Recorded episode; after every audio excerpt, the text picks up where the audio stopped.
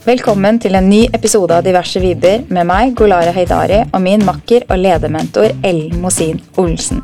I denne sesongen snakker vi med våre gjester om læring og fremtidens arbeidsliv. Og dagens gjest er en som skal lede DNB inn i fremtiden. Jeg fikk før kjennskap til hans arbeid via boken Innovasjonskapasitet, skrevet av Kristine Meyer og Inger Stensaker, sammen med Rune Bjerke og Anne Katrin Haueng. Siden jeg har fulgt ham på LinkedIn, hvor han deler tanker og erfaringer om livet, teknologi og arbeidslivet.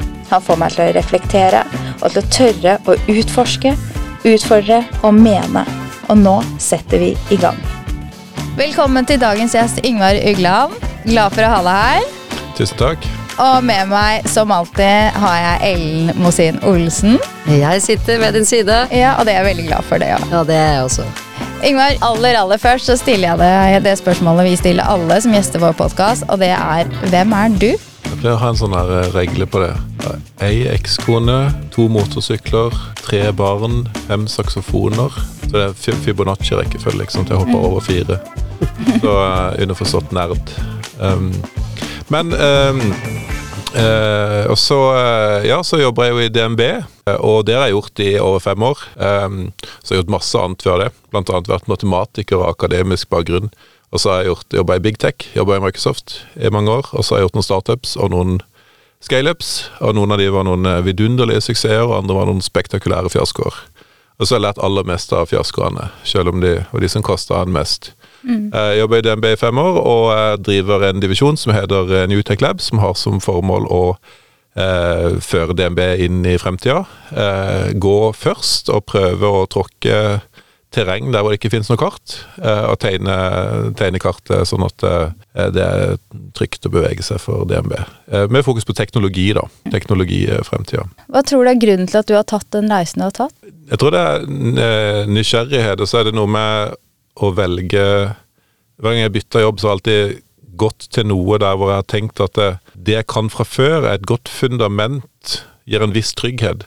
Men samtidig så er det nok, eh, høy nok grad av, av usikkerhet til at det, læringskurven ble enormt stor. da. Så de der første 100 dagene i ny jobb, de er alltid sånn magiske. Da lærer jeg mer enn det jeg gjør eh, på de neste 500. Egentlig så burde en kanskje bytte jobb hver, hver hundrende dag, men det tror jeg er blitt litt stressende òg. Men i retrospekt så ser jeg iallfall at det er et, eh, et mønster. At det går til noe som jeg ikke Som jeg kan si at dette kan jeg ikke, sånn som når jeg begynte i, i DNB. Um, jeg kunne ikke bank. Um, det som er min superkraft, det er at jeg kan fortsatt ikke bank. Ja, det er jeg skjønner hva du mener. Det er mener. ganske nyttig når en skal prøve å uh, tenke annerledes. Og så bruker du det herlige ordet superkraft. Ja, ja, jøss. Det, er det, er- det, det, det har jeg slutta å tenke på at jeg bruker, men det er sånn eh, i, eh, Når vi gjør rekruttering og sånn så handler det alltid om å finne, finne fellesnevneren som har grunnkompetansen eh, som er felles, men alle, hver gang vi ansetter en ny en, så skal vedkommende alltid bringe med seg en ny superkraft til teamet. da. Noe som vi ikke har fra før. Um, og det trenger ikke være faglig, det kan være helt andre ting òg.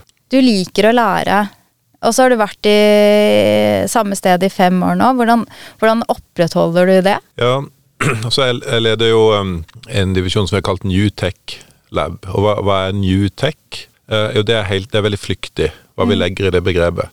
For det, det som er nytt i det ene øyeblikket, er jo eh, på en måte etablert i det andre.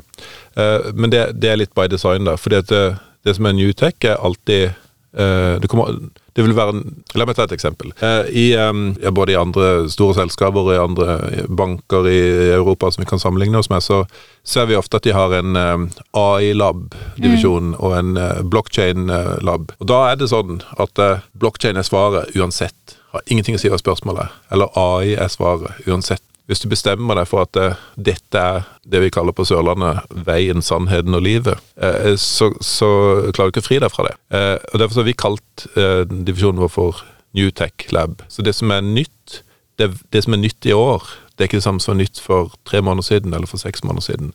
Så by design så ha, har vi folk på teamet som, som ikke er eksperter på noen av de tingene som, som vi jobber med, fordi da vil de måtte gå fra sin kjernekompetanse og gå over til noe nytt, kanskje bare tre måneder etter. Det som vi prøver å være gode på, det er å bli best mulig på ting vi aldri har gjort før. Så må vi øve på det. Ja, det er veldig kult. Og så har dere kalt det, som du sier, Newtech Lab. Dere har bevisst valgt å kalle det noe som er litt mer åpent, og ikke begrense dere. Og, og det, det, er veldig positivt. Og vi er jo opptatt av læring, og det er det som er tema for, for denne sesongen. Men så tenker jeg det, det krever jo en viss mindset å tenke at det, det som funka før det kan hende at det som har funka før, funker i dag også, men det skal ikke være svaret mitt hver gang. Jeg skal ikke tenke tilbake og ta, ta utgangspunkt i det hver gang jeg skal finne en ny løsning. For det tror jeg de fleste av oss gjør. Det er veldig enkelt å gjøre det, for du har erfart det. da. Hvordan, ja. lag, hvordan skaper du det mindsettet der? Ja, så er flere ting. Eh, det ene er det som jeg allerede var inne på, da, at det, eh, det var kanskje det jeg sa var superkraften min før vi spora og snakka om superkrefter. at det, um, jeg kaller det for å være um, blessed by ignorance. Mm. Altså fordi en ikke vet hvordan ting tradisjonelt har vært gjort, så vet en heller ikke hvorfor det er så utrolig vanskelig å få, få, det til, og hvorfor det er så vanskelig å endre, og hvorfor det er så vanskelig å eh, gjøre betydelige forbedringer på det. Med å, med å ikke, med å ikke eh, vite det, så blir du liksom blessed by, by ignorance, da. Eh, I motsetning til det vi kaller for uh, cursed by knowledge. Eh, og derfor så Hvis du går inn i samtaler om, med, med folk som kan mye mer meg, eh, enn meg om, om eh, sånn etablerte ting, så vil jeg aldri kunne vinne en diskusjon med de på deres fagfelt. Men, men å tenke hvordan kunne, vi, hvordan kunne vi løst dette problemet på en helt annen måte? Eh, så slipper du ofte unna mange av de der eh, komplekse greiene som har utviklet seg over lang lang tid, og som bare noen få mennesker er i stand til å forstå. Så det er det ene. Og så er det noe med um, Jeg prøver å tenke så Vi er opptatt av teknologi da, som en, en, en muliggjører for, uh, for hva fremtida kan bli, og bruke det til å forme fremtida. Så uh, vi starter um, i, i, motsatt ende av det det ofte blir fortalt, nemlig start med problemer, og så finne ut hva, hva løsninger kan være, og så hvilken teknologi.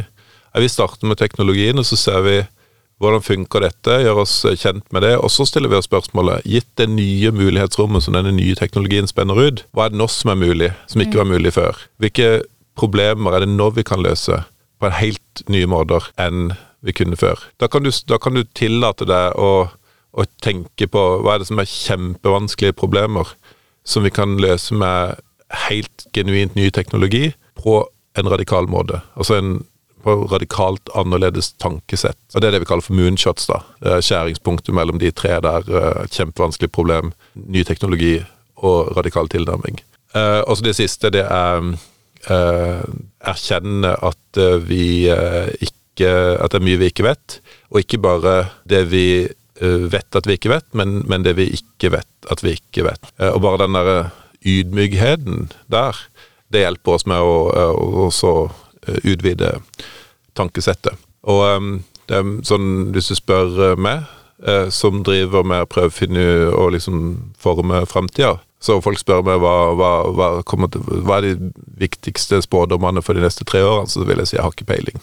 Ja, ja, nei, men jeg hørte jo med den og den konsulenten som sa at uh, var helt sikker på at dette kom til å skje. Ja, ok.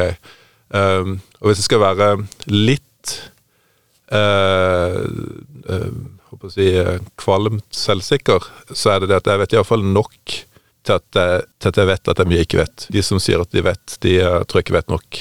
Og det, og det handler jo litt om, om ditt mindset, og så er det tydelig at dere har noen prosesser i teamet for hvordan dere jobber for å liksom uh, være åpne for nye ting, og være åpne for alt det man ikke vet og ikke kjenner til i dag. Og så tenker jeg da, uten å uten å vite, så tenker jeg at det er sikkert ikke mange som deg. Jeg, jeg syns jo du er fryktelig inspirerende. Jeg syns du er så unik av det jeg liksom, når jeg fulgte deg på LinkedIn og det jeg har lest at du har sagt og sånn. Eh, så enten så gjør du en kjempegod jobb i rekrutteringsprosessen, eller så er det noe med kulturen dere har klart å etablere. For hvor, hvor mange er dere i teamet? Altså, Vi er sikkert DNBs minste divisjon. da. Vi er ni stykker. Eh, to i London, én i San Francisco og resten her. Uh, akkurat nå er jeg faktisk en i India òg, men uh, så, vi er ganske små, men, uh, men det, er, det er by design. da, Vi er designa som et ja, litt sånn Silicon Valley-style startup. selvforsynt, selvbestemmende, selvansvarlig. og avhengig av å ha et godt lagspill. da. Men det, men det med rekruttering altså jeg har hele tida prøvd å ansette folk som er flinkere enn meg, og det tror jeg lykkes eh, ganske godt med.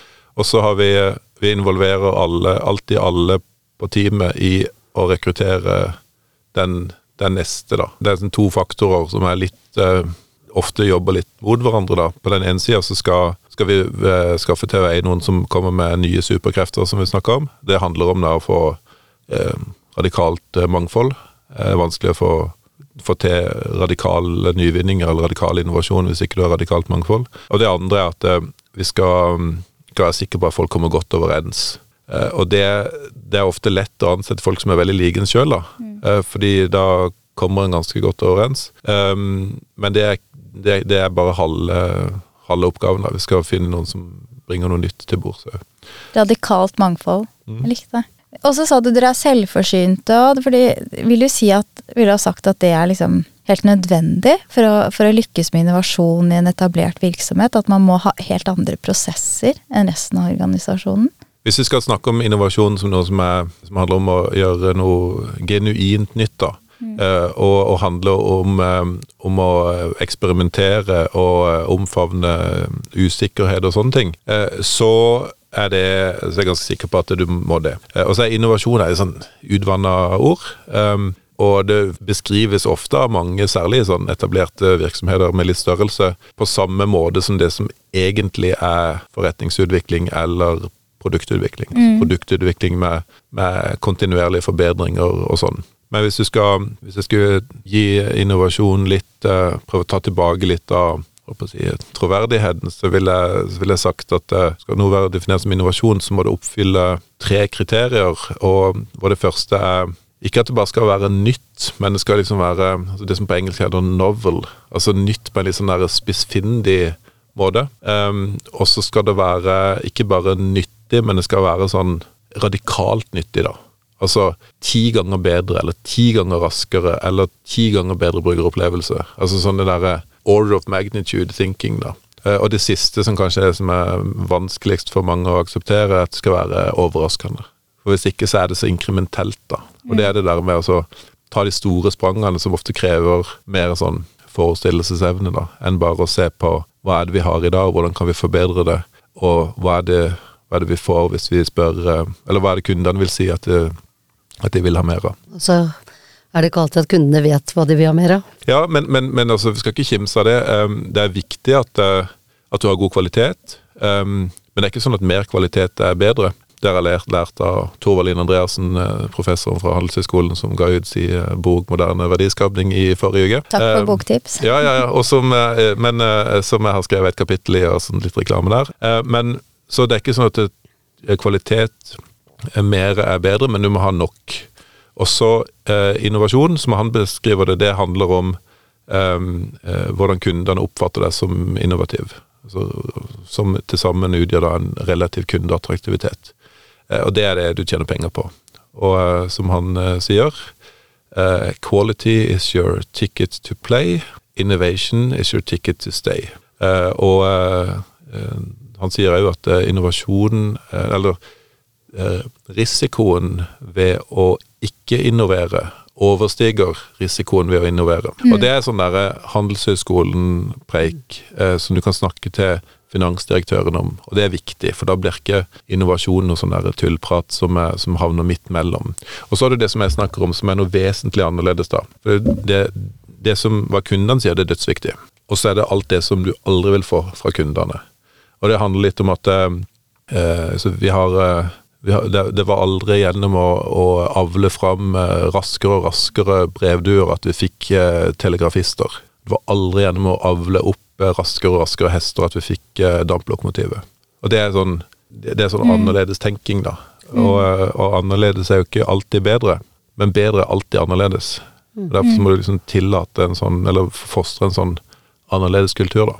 Og det var egentlig det jeg mente når jeg sa det er ikke alltid kunden vet det. Nei, nei, ikke sant. ja, for det er jo, det er, da må også kundene klare å tenke annerledes, Ja. eh, og ha andre forestillinger. Og da må vi da må vi liksom få det til å være mye mer sentralt i veldig mye mer av det vi gjør. Og det jeg hører du sier, er jo også at eh, Altså det, du setter jo ord på ikke bare dette med kultur, men jeg tror du setter, du setter veldig gode ord på noe jeg vet at mange tenker på, men de tar det ikke helt ut.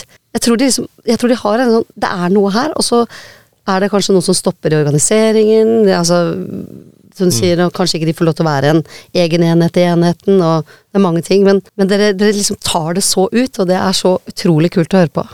Ja, og, og det, dette er ikke noe som vi har funnet på, men vi får lov å um Dere får lov å gjøre det. Å gjøre det. Ja, det er akkurat det. Og, um, Og jeg vet det er mange som ikke får lov å gjøre det. nei, ikke sant? Ikke sant? De, de, de skaper miljøer for å gjøre det, og så er det de hindringene som nettopp er de hindringene som gjør at det du sier ikke får lov til å leve, da.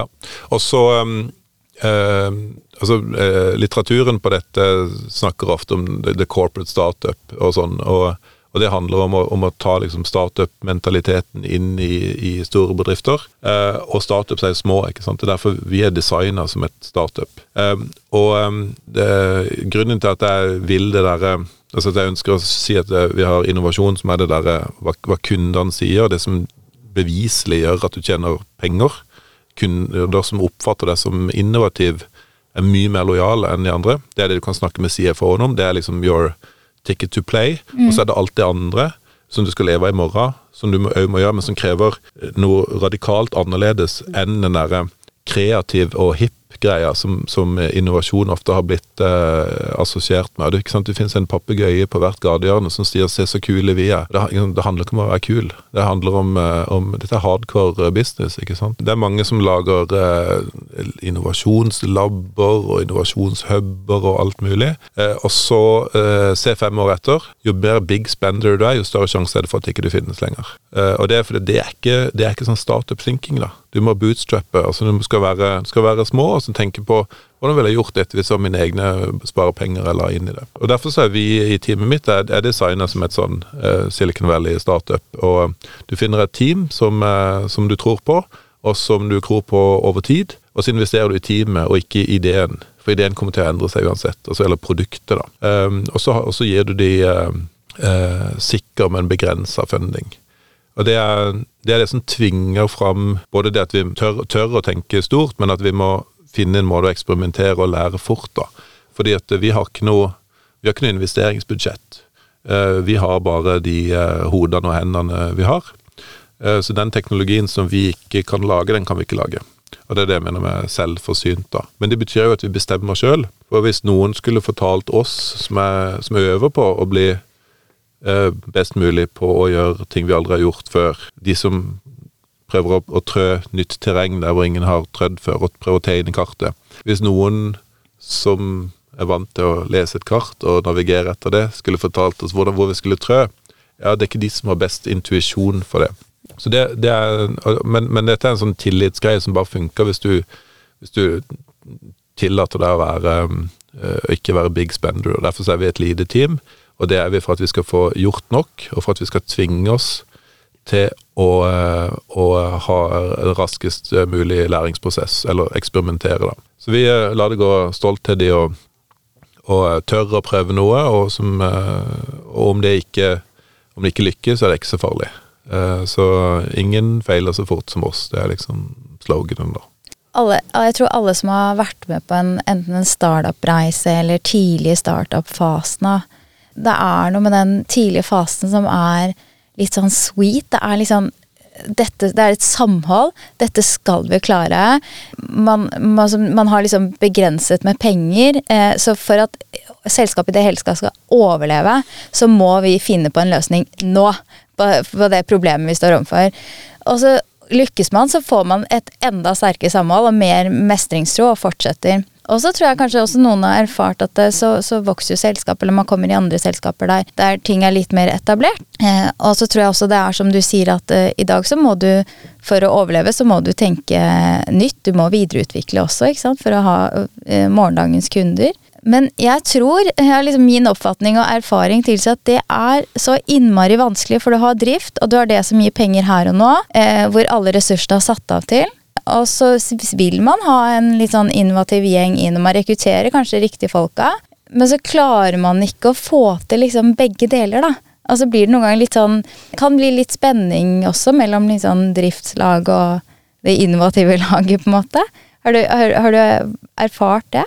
Ja, jeg tror Hvis vi skal lykke med, lykkes med sånne her ting, så er det kjempeviktig at det ikke blir en sånn A-lag og B-lag. da. Jeg, jeg tror det er to moduser, og den, den, det du kaller drift, da. Jeg tror det skal få lov å inkludere kontinuerlig produktutvikling og produktforbedringer, for da det går det stolthet. ikke sant? Du har kunder som er fornøyde og alt mulig, og så har du de andre, som er på en måte det jeg representerer, som får lov til å tenke på hva er det, hva er det vi skal tilby kundene, ikke i morgen, men i over i morgen. Eh, og så eh, må man klare å få til en, en, en balanse der hvor, hvor alle er stolte av hverandre. For hvis det blir sånn dere utvikler og vi drifter, dere får lage det kule, og så kaster dere det over til oss etterpå, da får du en sånn derre de gøye og de dølle, og det er ingen som har lyst til å være de dølle. Eh, Selv om i, uansett vil det være minst like viktig å være de som passer på at ting virker. Absolutt. Ja. Og en eh, Flere bruker en sånn flåklypa-metafor på det, fordi at jeg fikk lov å være med på å åpne sånn der eh, Reodor Felgens verksted oppe i, eh, i Hallingdal her for eh, en stund siden, sammen med Aukrust junior. Um, det var jo litt stas. Uh, og, um, og da måtte vi jo innom en av de eh, villeste oppfinnelsene som har vært gjort noen gang, nemlig ildtempo Gigante. Det er mye kult å si om den, eh, men en av greiene med den er at den har to speedometere. Det ene som går fra 0 til 250, altså det andre som fortsetter der hvor det andre slipper. Altså det går fra 250 opp til 400. Eh, og det er egentlig en sånn eh, du, du må ha begge deler. Vi vinner ikke Flåklypa Grand Prix hvis ikke du har begge speedometerne. Du jobber jo med å utfordre og utforske, ikke sant? Vil du, kan jeg si det?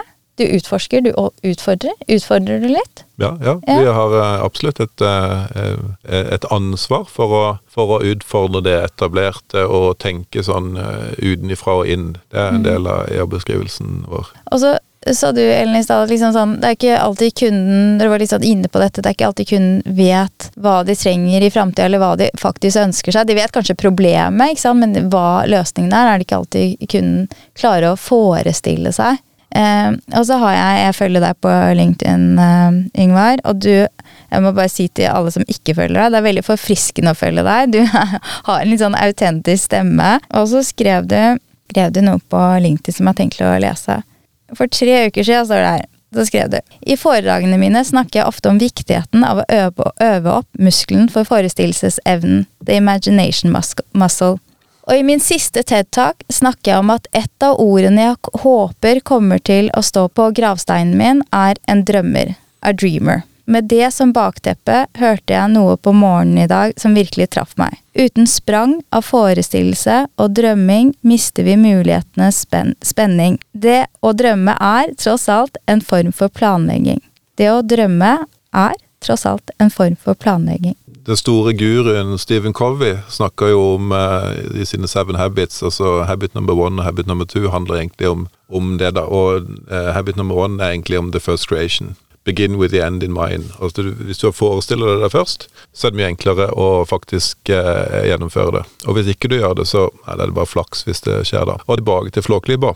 Eh, og Reodor Felgen og hans fantastiske oppfinnelse Il Tempo Gigante. Eh, det, han har jo lagd disse tegningene av den bilen i 1965 eller noe sånt. Eh, og det er altså en bil som har de mest vanvittige funksjoner. Den har to motorer, og den har radar.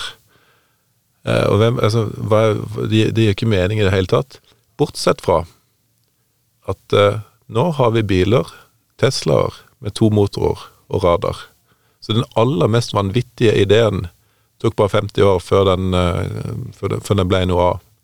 Um, og så er det mange eksempler på det. Jeg kunne tatt eh, Isaac Newton og alt sånt. Det tok tre, 300 år før hans eh, teori eh, ble noe av. eh, og det handla ikke om å kaste steiner fra et høyt fjell, sånn som han beskrev i sin Principia Mathematica Filosofia Naturalis, eller hva den heter, fra 1687.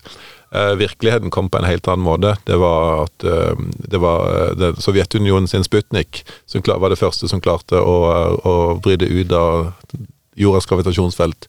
Som selvfølgelig var bare en helt vanvittig ting å snakke om i 1687.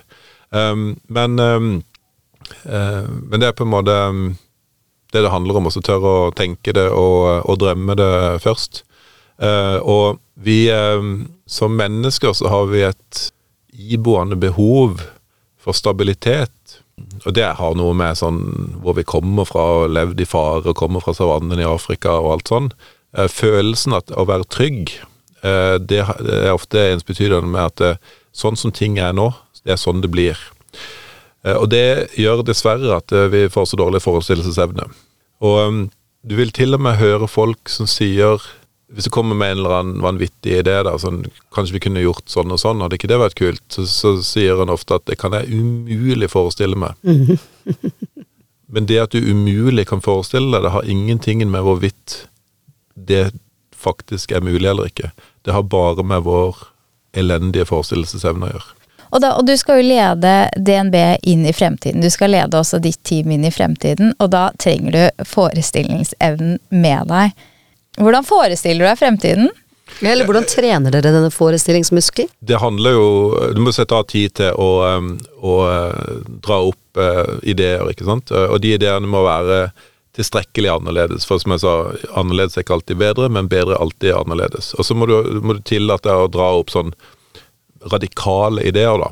Eh, og, og, det er ikke så farlig om de lar seg gjennomføre. Eh, for det kommer alltid noe positivt ut av det. Enten, enten at du bare lærer eh, raskt. Liksom det å feile, det, er, det, det, det, trykker vi til brystet vårt. Fordi ordet feil, det er faktisk et Det visste jeg sikkert ikke. Men det er ikke et ord, det er ikke et, et substantiv eller et verb, men det er et akronym Feil står nemlig for første eksperiment i læringsprosessen. da, Love it. Ja, ikke sant? Så uh, du hørte det her først. Um, så um, uh, uh, og, og, og, så uansett om På samme måte som det tok 50 år før bilene hadde to motorer og radar, eller 300 år før en kunne dra ut av jordas gravitasjonsfelt Du må, må tørre å dra de tankene, da. Og så og Um, og hvordan gjør du det? Jo, sette av tid til å dra noen eh, sånn enorme, muligens vanvittige scenarioer for hvor fremtida kan bli, men samtidig være ydmyk for at ikke det kan bli sånn. Um, og så må du eksponere deg for um, folk som tenker annerledes, uh, og det hjelper selvfølgelig å ha folk som er nysgjerrige og gode på annerledestenkning på laget, for det er, liksom, det er, det som er essensen av hvor vi henter det fra.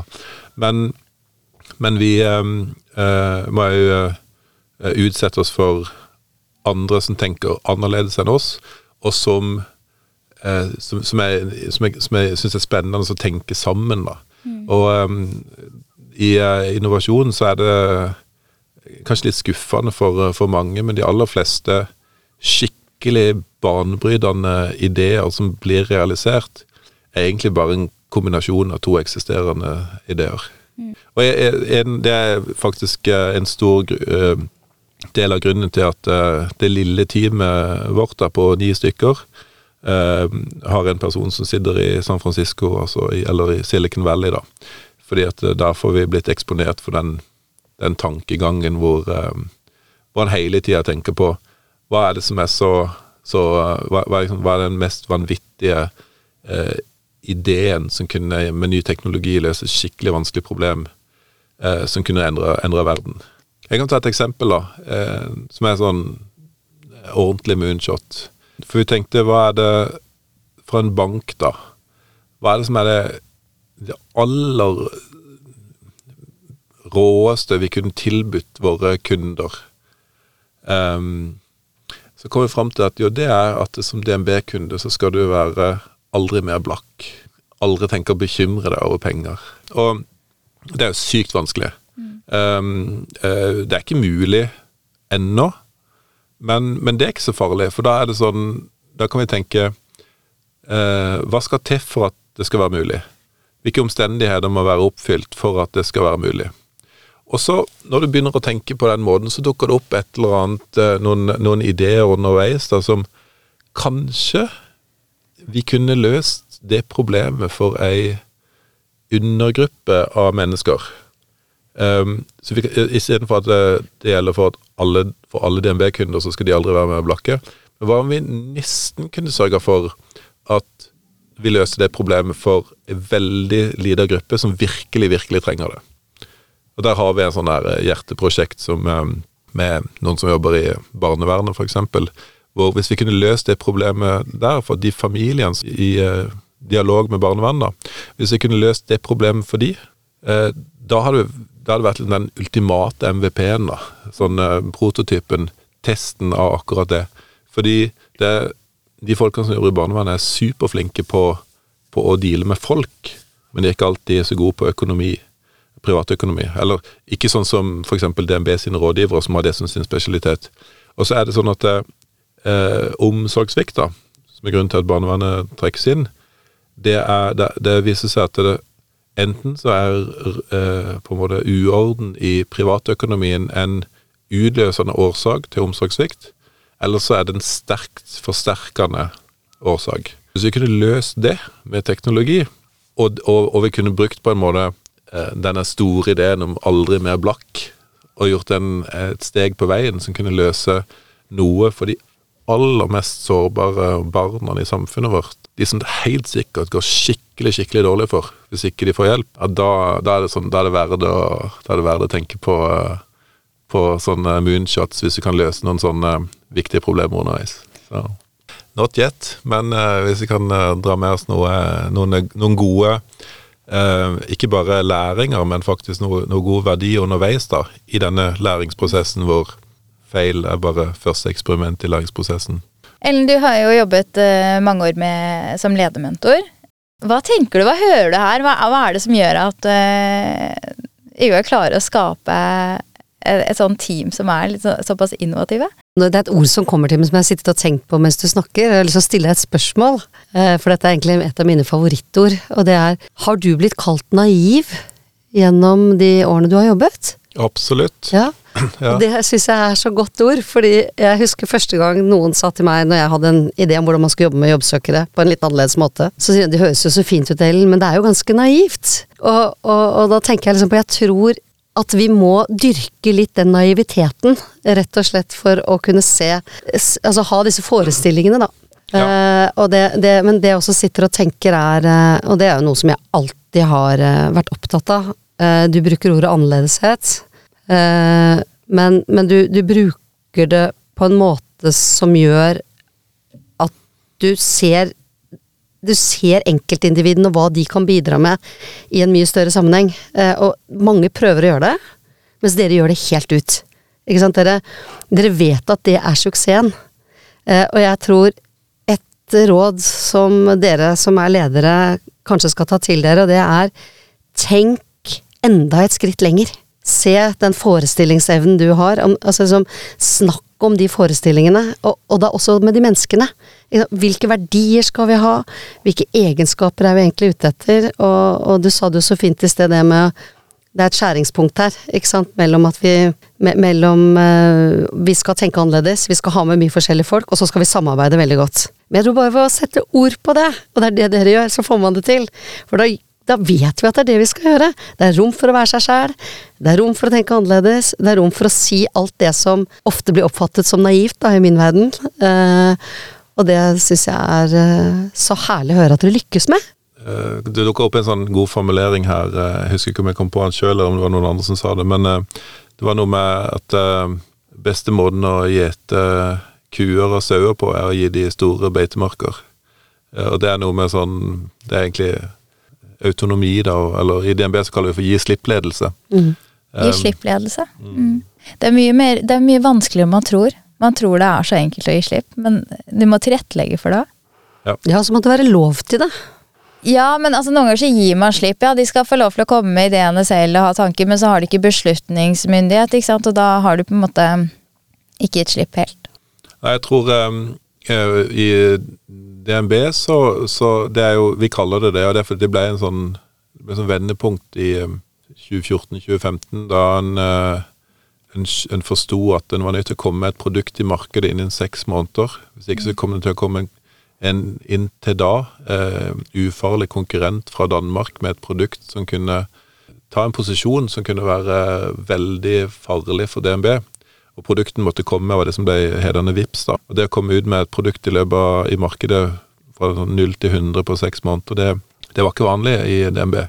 Snarere tvert imot. Det kunne ta, sånn som jeg har blitt fortalt historien, jeg var ikke der da, men det kunne ta seks måneder bare å liksom bli enige om, om eh, å liksom forme mandatet. Og her skulle hele produktet ut, da. Og da handla det om, eh, om, eh, det der med å samle de riktige folkene, tverrfaglige team, sette rundt samme bord, eh, og, og få de til å jobbe sammen til dette her produktet var ute, i drift, i produksjon. og, og la, bare, bare, la de som sitter tettest på, ta beslutningene, sånn at du får opp den farten. da. Mm. Og så var jo det trigga som en sånn reaktiv handling. En måtte gjøre det. Men i kjølvannet av det så har han vel sett at neste gang så må vi være proaktive. Vi må kunne se de mulighetene sjøl. Og da må vi tillate at vi har noen som utforsker og lytter og sånn, og så må vi samtidig dyrke den der gi slipp-ledelse-tankegangen, da. Sånn at ikke alt skal bestemmes gjennom et hierarki. Mm. Fordi at det går både seint, og så betyr det jo at det, det, er umulig for alle å kunne forstå alt. Og skal du forklare noe i et hierarki, så må du gjerne forenkle litt for hvert ledd. og til slutt så kan det hende at noe av essensen forsvinner, da. Ja, og du spurte meg liksom, Golara, hva, hva er det jeg tenker nå? Og det er klart, de færreste virksomheter har jo egne startups, øh, og, og, har den type miljøer som DNB har satset på. Det er sikkert langt flere som burde hatt det.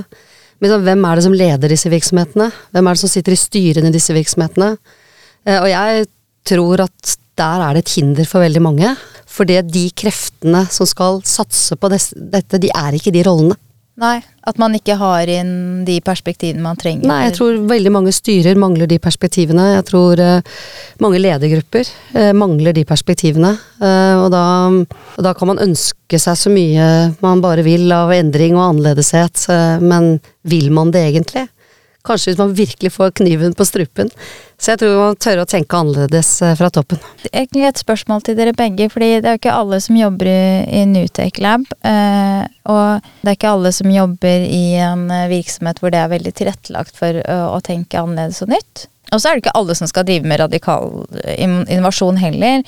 Men alle, alle jobber i et team hvor det er eh, viktig å tenke videreutvikling og produktutvikling på et eller annet plan. Så hva er, vi kan begynne med, med deg, Inga. Hva, hva, er ditt tips til ledere for å liksom lage det klimaet hvor medarbeiderne tenker litt nytt da, og tør å utfordre og utforske? Ja, jeg tror det er veldig mange i veldig mange bedrifter som har lyst til å gjøre det. Mm. Uh, og det viktigste um, som leder, det er at uh, La oss starte med erkjennelsen, da. At risikoen ved å ikke innovere er større enn risikoen ved å innovere. Uh, og hvis en erkjenner det, uh, som, som, forskning viser, da, ref. boka til Torvald Andreassen, så er det viktigste for å lykkes med resten av bedriften, det er at du har denne, at du som toppleder har forankring for at det er lov å drive med innovasjon og drive med eksperimentering. Det er forutsetninger for å bygge en, en, en, en kultur for eksperimentering. Og eksperimentering er det aller viktigste. Og det trenger ikke å være, ikke være sånn moonshots eller sånn radikal innovasjon. Eh, Sjøl det som jeg snakker om, eh, kontinuerlig produktutvikling, handler om å, om, å, om å, prøve noe og se hvordan kunden responderer på det, og hele tida gjøre det.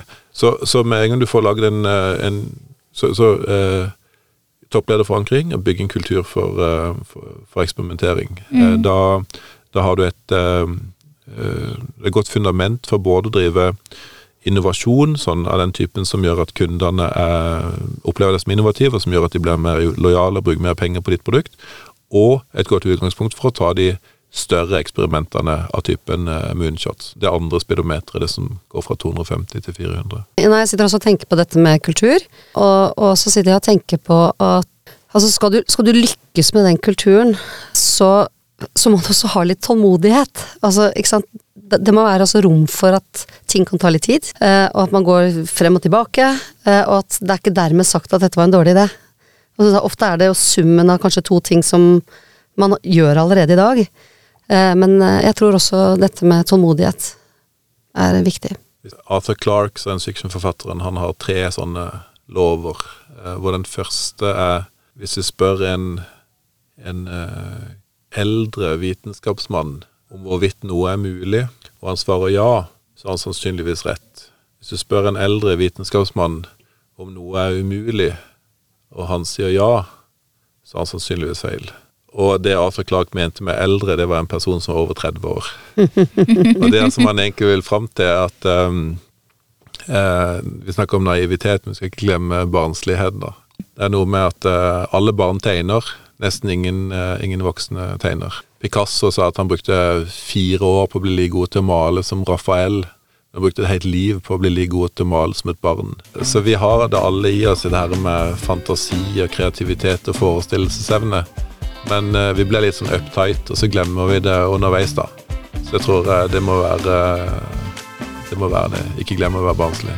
Endringer kommer helt sikkert til å være mye større enn det vi tror i dag uansett. Så det er bare å øve på å forestille seg. Mm, og så er det, må vi huske at forestillingene våre de er helt avgjørende for handlingene våre.